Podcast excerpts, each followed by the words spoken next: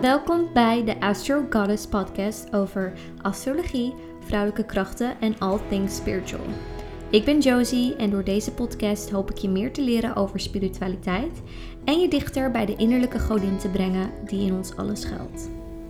Hey, welkom bij deze nieuwe aflevering van de Astro Goddess podcast. Het is alweer even geleden. Ik denk nu zo'n maand geleden, denk ik. Um, deze podcast-aflevering wilde ik eigenlijk gebruiken om gewoon even lekker gezellig bij te kletsen. Er is natuurlijk heel veel gebeurd. Ik denk dat iedereen's leven wel een beetje op zijn kop staat.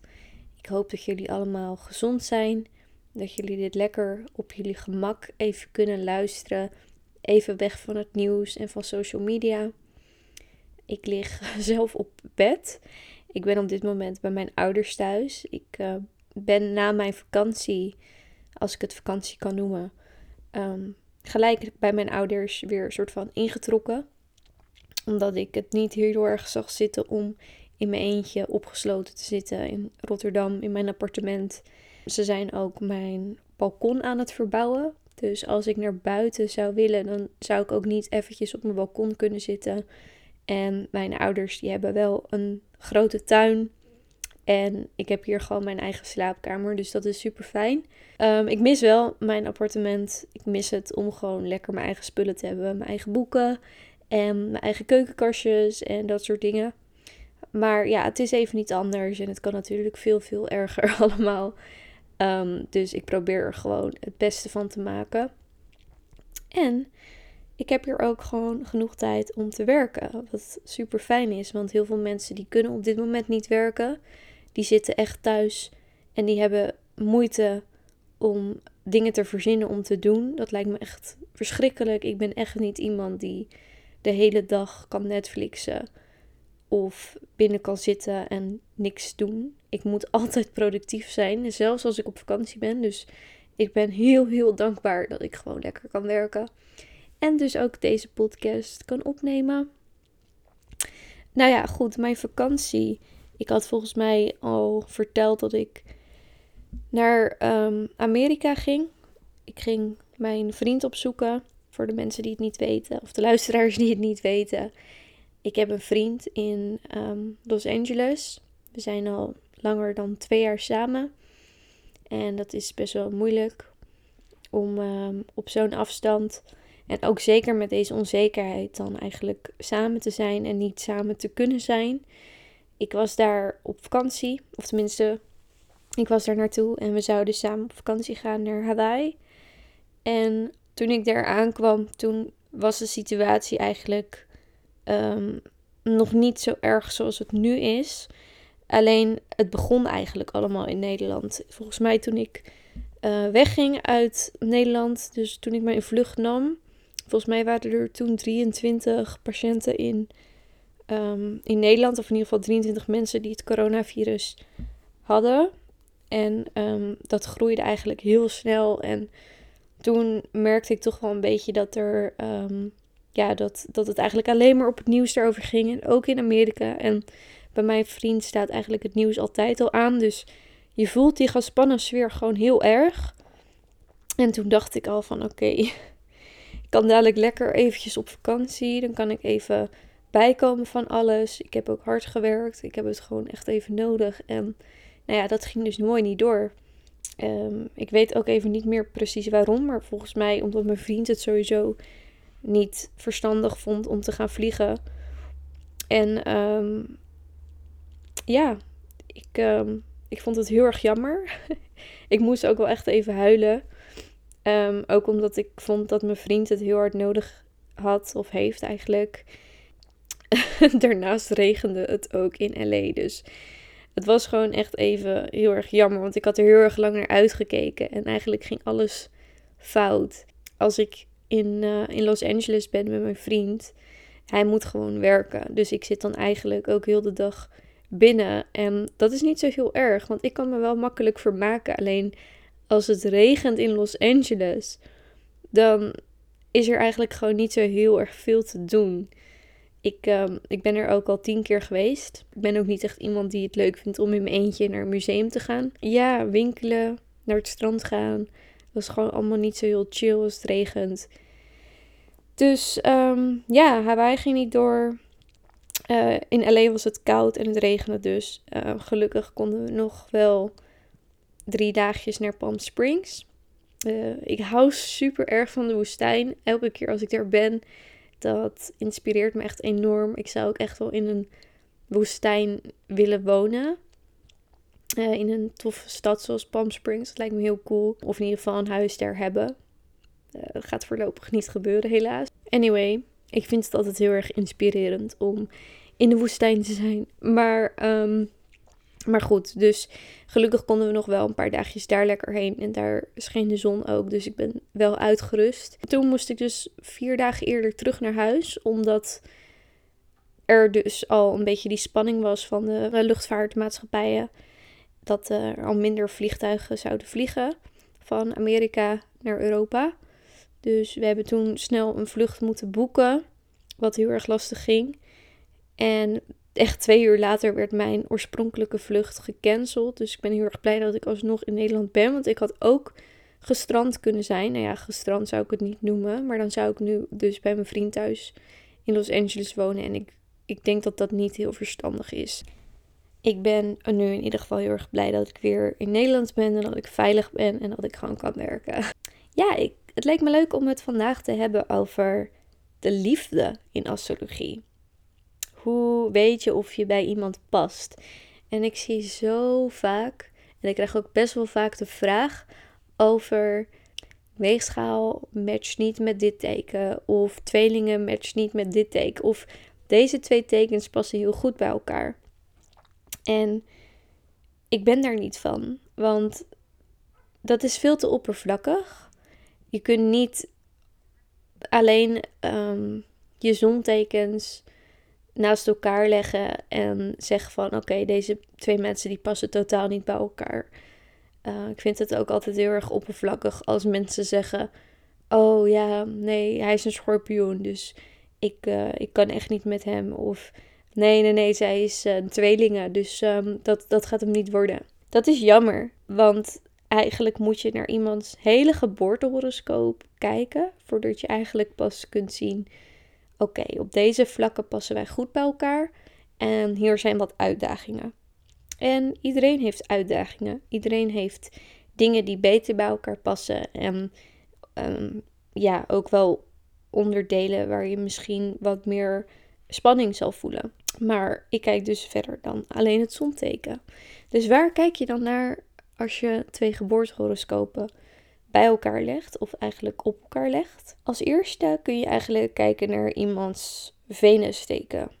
Want Venus is de planeet van de liefde, van romantiek, van één op één relaties, van aantrekkingskracht, van de waarde die iemand heeft, wat iemand belangrijk vindt in de liefde, maar ook hoe ze in de liefde zijn zelf. Dat is eigenlijk ook al wel een beetje een basic dingetje om te bekijken als je wilt zien of iemand goed bij je past of niet. Um, ik ga gewoon even kort alle tekens omschrijven hoe ze zijn. Of wat ze zoeken in de liefde. Nou, dan begin ik bij Ram. Ram is onafhankelijk. Die zegt waar het op staat. En Ram is ook wel snel verveeld. Dus als, als Ram een beetje het idee heeft van... nee, deze partner past niet bij mij, of is het toch niet... dan zijn het er ook best wel makkelijk overheen. Ja, wat Ram eigenlijk... Venus, Ram heb ik het nu over. Eigenlijk moet die een partner die evenveel van avontuur houdt... maar ook Ram een beetje kan sturen. Een beetje op zijn plek zetten eigenlijk. Een beetje kalmeren. Um, dus eigenlijk zou bijvoorbeeld Nee, ik ga, ik ga geen tekens noemen. Want ik, anders ontkracht ik precies wat ik net heb verteld. Um, maar in ieder geval iemand die dus Ram eigenlijk een beetje kan kalmeren. Uh, maar toch de spanning erin houdt voor Ram. Stier. Stier is een wat kalmer teken. Uh, die doen het wat langzamer in de liefde. Die houden niet van overhaaste beslissingen of uh, plotse veranderingen. Een stier wilt iemand die geduld heeft. En iemand die ook van het leven kan genieten. Want stier wilt van het leven genieten. Stier houdt van de comfortzone. Alleen stier moet niet iemand hebben die zelf ook neigt naar luiheid. Want dan komt stier misschien nooit uit zijn comfortzone. Maar zeker wel iemand die geduldig is en ook alles wat langzamer aan wil doen. Stier houdt niet van iemand die ja zegt, maar nee bedoelt. Stier is namelijk zelf ook direct uh, betrouwbaar. Dus stier zou eigenlijk iemand nodig hebben die het leven, ja, van het leven kan genieten, maar wel eerlijk is. Tweelingen. En tweelingen zijn, staan eigenlijk over het algemeen bekend dat ze wat luchtiger zijn. Tweelingen heeft iemand nodig die ook van plezier houdt in het leven. En ook um, tweelingen heeft heel erg ja, iemand nodig die haar wat kan leren, die wat te vertellen heeft. Anders wordt tweelingen verveeld. Er moet uh, mentale spanning zijn op een goede manier. En iemand die ook nieuwsgierig is. Als tweelingen, Venus tweelingen met iemand is die alleen maar op de bank thuis zit, eigenlijk niks wil ondernemen en eigenlijk huisje, boompje, beestje niet spiritueel wil groeien, dan is het al snel klaar. Dan zal tweelingen iemand anders zoeken en ergens anders spanning gaan zoeken. Kreeft. Uh, Venus in kreeft wil verzorgen, maar ook zelf verzorgd worden. Uh, Venus in kreeft is zorgzaam, eigenlijk een beetje het moederlijke type. Houdt heel erg van thuis zijn, van familie, heel erg belangrijk. Maar ook een mentale connectie, emotionele connectie. Iemand die de mood swings van kreeft aan kan. Nou, dan hebben we nog leeuw. Ja, leeuw, ja, leeuw wil iemand waar die trots op kan zijn. Maar leeuw heeft ook heel veel aandacht nodig. Heel veel aandacht. Ehm, heel veel complimentjes. Daar maak je leeuw heel erg gelukkig mee. Want leeuw wil horen dat hij het goed doet. En um, leeuw is heel erg warm. Ze kunnen misschien heel erg trots overkomen. Soms zelfs een beetje arrogant. Of uh, een beetje ja, hoe zeg je dat? Uh, overdreven. Maar van binnen heeft Leeuw eigenlijk gewoon een heel groot hart. Om wie Leeuw geeft, die zullen dat ook merken. Die zullen de, de hemel ingeprezen worden. Want Leeuw wil eigenlijk gewoon laten zien wat hij heeft. Die wil trots kunnen zijn. Dus als Leeuw het gevoel heeft dat jij de ideale partner bent, dan zal die je ook verwennen en um, meenemen. En um, dan laat hij ook niet snel los maagd.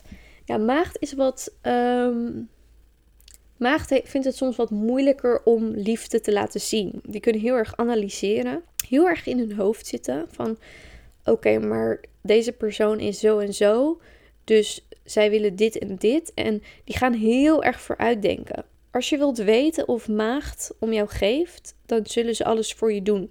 Alles. Ze zullen je willen helpen, ze willen voor je zorgen ze zullen zeggen van oké, maar laat even weten als je thuis bent. En uh, vergeet ook niet uh, je vitamine C pillen. Dat soort dingen. Weegschaal die kan twijfelen. Niet zeker weten. Maar ik denk dat mensen geduld moeten hebben met weegschaal. Want als weegschaal eenmaal... Ja, het duurt misschien wat langer. Maar als je uh, in de buurt blijft bij Weegschaal. Weegschaal heeft eindelijk een keuze gemaakt. Dan gaan ze ook voor diegene. Dan weten ze het ook 100% zeker. Dus dan kun je ook 100% dedication verwachten van Weegschaal. Een schorpioen is een intense partner. Ze staan ook bekend om, uh, ja, om hun seksdrive. Schorpioen is heel erg bezig met passie, heel erg bezig met gevoel. En schorpioen is niet voor iedereen. Geen één teken trouwens. Niet iedereen is voor iedereen. Maar schorpioen kan wel snel hun partner of potentiële partner afschrikken. Omdat ze vaak gewoon hele intense gevoelens hebben. Als schorpioen een partner heeft waarmee die overal over kan praten, dan gaat hij er ook 100% voor. Als schorpioen iets zeker weet en het voelt allemaal goed, dan laat ze je niet snel los. Schorpioen is echt een vechter, or like a fighter and a lover. Dus ze hebben ook een partner nodig die sterk in hun schoenen staat. Dan hebben we boogschutter. Een boogschutter heeft een soulmate nodig. Een, eigenlijk iemand die hun beste vriend is. En de romantiek komt later wel. Boogschutter is een free spirit. Ze willen kunnen doen en laten wat ze willen. En als zij iemand hebben die daar, hun daarbij steunt en ook het avontuur wil aangaan, dan is alles al goed. Maar boogschutter wil niet iemand die hun tegenhoudt. Want ze hebben nog zoveel te leren. Ze willen nog zoveel ervaren, ze willen nog zoveel doen. Dus als je boogschutter daarin tegenhoudt, dan is de kans heel groot dat het niks gaat worden. Dan hebben we steenbok. Een steenbok is een partner um, die niet zo heel snel in een relatie zal duiken. Steenbok heeft veel tijd nodig. Um, ze willen ook zekerheid en ze willen stabiliteit. Het is een aardeteken, dus die zijn altijd wat um, geduldiger en ook iets langzamer in het toegeven. Maar als ze dan eenmaal zover zijn, dan weet je ook zeker wat je aan Steenbok hebt. En zij willen ook weten wat zij aan jou hebben. Ze willen iemand die ook zekerheid kan uitstralen en ook stabiel is. Want als Steenbok klaar is voor een relatie, dan willen ze op iemand kunnen bouwen. Omdat Steenbok ook betrouwbaar is. En Steenbok is geduldig en um, weet wat hij kan bieden. Dus um, ze willen dan zeker weten dat jij er ook klaar voor bent. En dan hebben we nog Waterman, het elfde teken. Waterman die kijkt niet zo heel erg naar uiterlijk. Venus, Waterman. Eh, bij, bij Venus, Waterman gaat het meer om de, uh, om de mentale connectie. Ze voelen zich wel snel aangetrokken tot meer extravagante types. Mensen met unieke ideeën. Mensen met wie ze overal over kunnen praten. En over mee kunnen brainstormen ook. Maar het gaat zo, niet zozeer om um, de fysieke aantrekkingskracht. Het gaat meer om de mentale aantrekkingskracht. Dat is een heel belangrijk ding voor Waterman. Dan hebben we vissen. En vissen is het laatste teken. En vissen heeft eigenlijk alles al gezien en al meegemaakt. Vissen wil onvoorwaardelijke liefde. Ze willen liefde kunnen geven. Ze willen liefde kunnen nemen. Vissen houdt van iedereen. En dat is ook wel een beetje een valkuil. Mensen met Venus en vissen mee op moeten passen. Is dat ze uh, niet hun eigen grens overgaan. En dat ze liefde kunnen voelen voor iedereen. Maar niet iedereen per se hoeven toe te laten in hun leven. Oké, het werd een beetje een, uh, een heel serieus uh, topic nu. Uh, ik ben heel erg benieuwd wat jouw Venus-teken is en of je hierin kan vinden. Het kan ook wel gelden voor als jij heel veel stier in jou hebt, of als je heel veel vissen in jou hebt, dan kan je je er misschien ook wel in vinden. Of misschien als jouw zonteken heel sterk is in een bepaald huis, dan kun je dat ook voelen. Ik zal even een voorbeeld geven. Als jij um, leeuw in het zevende huis hebt staan, dus het zevende huis staat voor relaties, um, dan kan dat eigenlijk ook een beetje aanvoelen zoals um, Venus in leeuw. Je match is niet afhankelijk van één bepaald iets of één bepaalde uh, plaatsing in je geboortehoroscoop. Het kan, je kan het in meer dingen vinden dan alleen in um, je zonteken en ook zeker niet alleen in je venusteken. Er zijn ook andere dingen om naar te kijken. Dus bijvoorbeeld, hoe komen jullie maantekens overeen? Hebben jullie hetzelfde maanteken? Top. De maantekens geven natuurlijk aan hoe jij je emotioneel het prettigst voelt. En als dat heel erg verschilt, dan kan dat soms wel eens een beetje een botsing geven. Of een beetje wrijving of misschien zelfs stress. Heb je beide hetzelfde maanteken, dan kan dat juist een bepaalde connectie geven. Dan denk je misschien of voel je misschien hetzelfde over bepaalde onderwerpen in je leven. En dat kan uh, je eigenlijk dichter bij elkaar brengen. Dus op die manier kun je eigenlijk het beste geboortehoroscopen naast elkaar leggen en kijken: oké, maar waar, waar zijn wij een beetje hetzelfde en waar totaal niet? En daar kun je dus ook die uitdaging vinden. Mijn maanteken is bijvoorbeeld vissen en die van mijn partner ook. En ik merk ook heel erg dat wij over veel dingen hetzelfde denken. Dat we ook allebei heel erg um, emotioneel kunnen zijn. Dat we ook allebei heel erg van muziek houden. Dat is ook wel een typisch vissen dingetje. En dat we ook onszelf soms even moeten terugtrekken. En dan juist weer willen overgeven aan elkaar. Maar ook in de wereld zelf. Dus dat zijn allemaal dingen om naar te kijken.